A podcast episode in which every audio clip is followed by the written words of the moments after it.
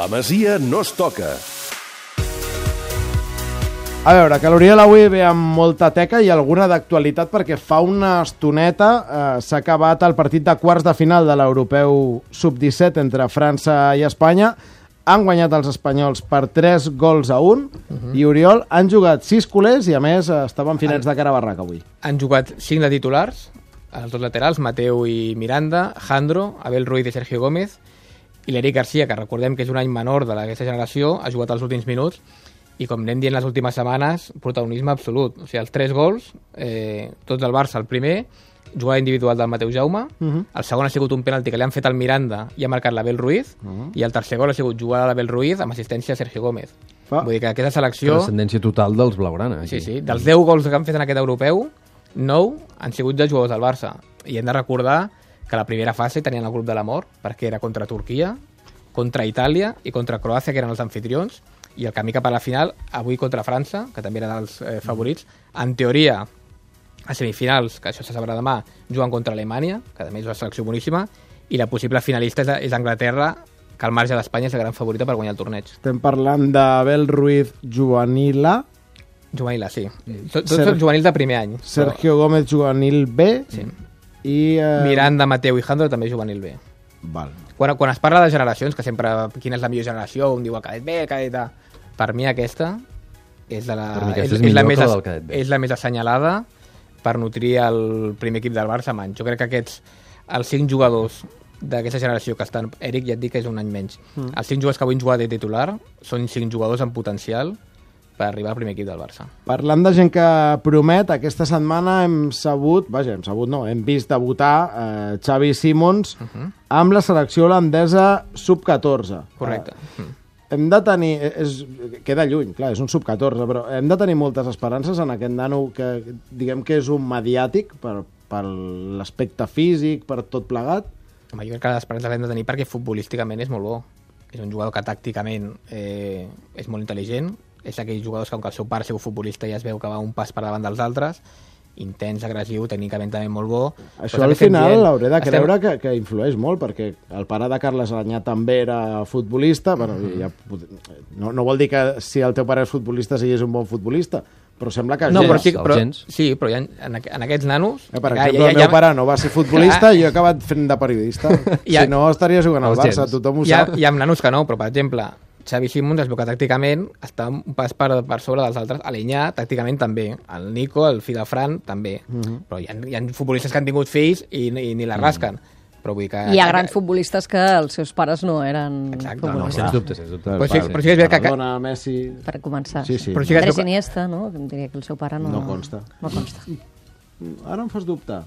No era un gran futbolista, eh, però, però que em sona que haver llegit que jugava a futbol. Però bueno, com et dic, Xavi Simons és infantil, eh, és molt aviat per, per saber si arribarà a ser un, un crac o no. Què seria? Un mig centre, un interior? No, no, mig centre. Pots Mig jugar, centre. pots jugar a interior, però ara la majoria de partits el juga de mig centre. Però la seva que passa- posició final... que passa és eh, molt jo tinc baix, dubtes eh? de si acabarà Sí, sent mig molt- centre. Molt estem- poca estem cosa. parlant d'infantil, eh? Em sembla que té 13 anys. Vull dir que Ah, que encara vols dir, encara hem de fer l'estirada.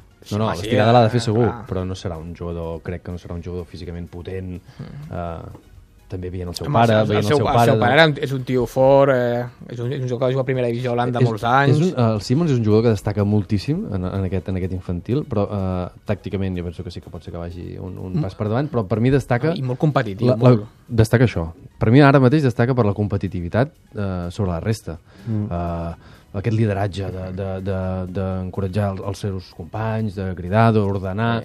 Jo crec que a nivell tècnic li falta molt, en molts moments perd moltes, moltes pilotes que no, que no, que no hauria, un, un pivot i menys un pivot del Barça, però estem parlant d'un nano que és infantil i té un marge de millora espectacular. Ara mateix marca la diferència. L'any passat que l'infantil l'infantil B del Barça va guanyar quatre partits a l'últim minut, ell que no és golejador, però em sembla que va marcar un i va assistir a dos. Perquè té que- personalitat que no és normal amb un nano de, de 13 anys. 13? 13. Uh, Hem de parlar també dels possibles rivals del Barça B. Recordeu, el Barça B ja és campió del seu grup, per tant s'enfrontarà amb una... Amb l'altre campió. Per cert, eh, déu-n'hi-do el derbi de filials de l'altre dia. Passo per damunt perquè tot plegat va ser bastant lamentable. Els gestos d'algun jugador del, del Barça B i el comportament en general de, de l'Espanyol B un cop es va veure a tercera. Prefereixo mirar endavant i no, i no prendre més mal. Eh, I I- continuarem mossegant mala llengua, si de cas. I hi ha dos possibles rivals decidits, Sí? campions, que és el Lorca de David Vidal Murcians i sempre complicats. i eh? i l'Albacete, eh, que també té molt bon equip. I el tercer possible rival eh, se sabrà aquest cap de setmana, que és l'última jornada de Lliga. Està entre el, la cultura leonesa, que és el favorit perquè és líder i juga a casa un partit assequible, si no el Racing de Santander o el Celta B. Són rivals duríssims, tots. Dilluns Sí, sí. sorteig, m'imagino, i sabrem on... eh, Vaja, i en quin ordre també es jugar aquesta eliminatòria a doble... Sorteig pur entre aquests quatre equips. Correcte. I volies també parlar-me de la Copa del Rei Juvenil. El Barça Juvenil eh, ha tingut unes últimes setmanes complicades, eh, cau a la semifinal de la Youth League, cau a la primera ronda de la Copa de Campions i ara l'últim títol possible és la Copa, Copa del del Rei. Rei, vuitens de final, li ha tocat a l'Sporting, aquesta setmana jugant demà aquí a, a Barcelona, i la tornada la setmana que ve a Mareo.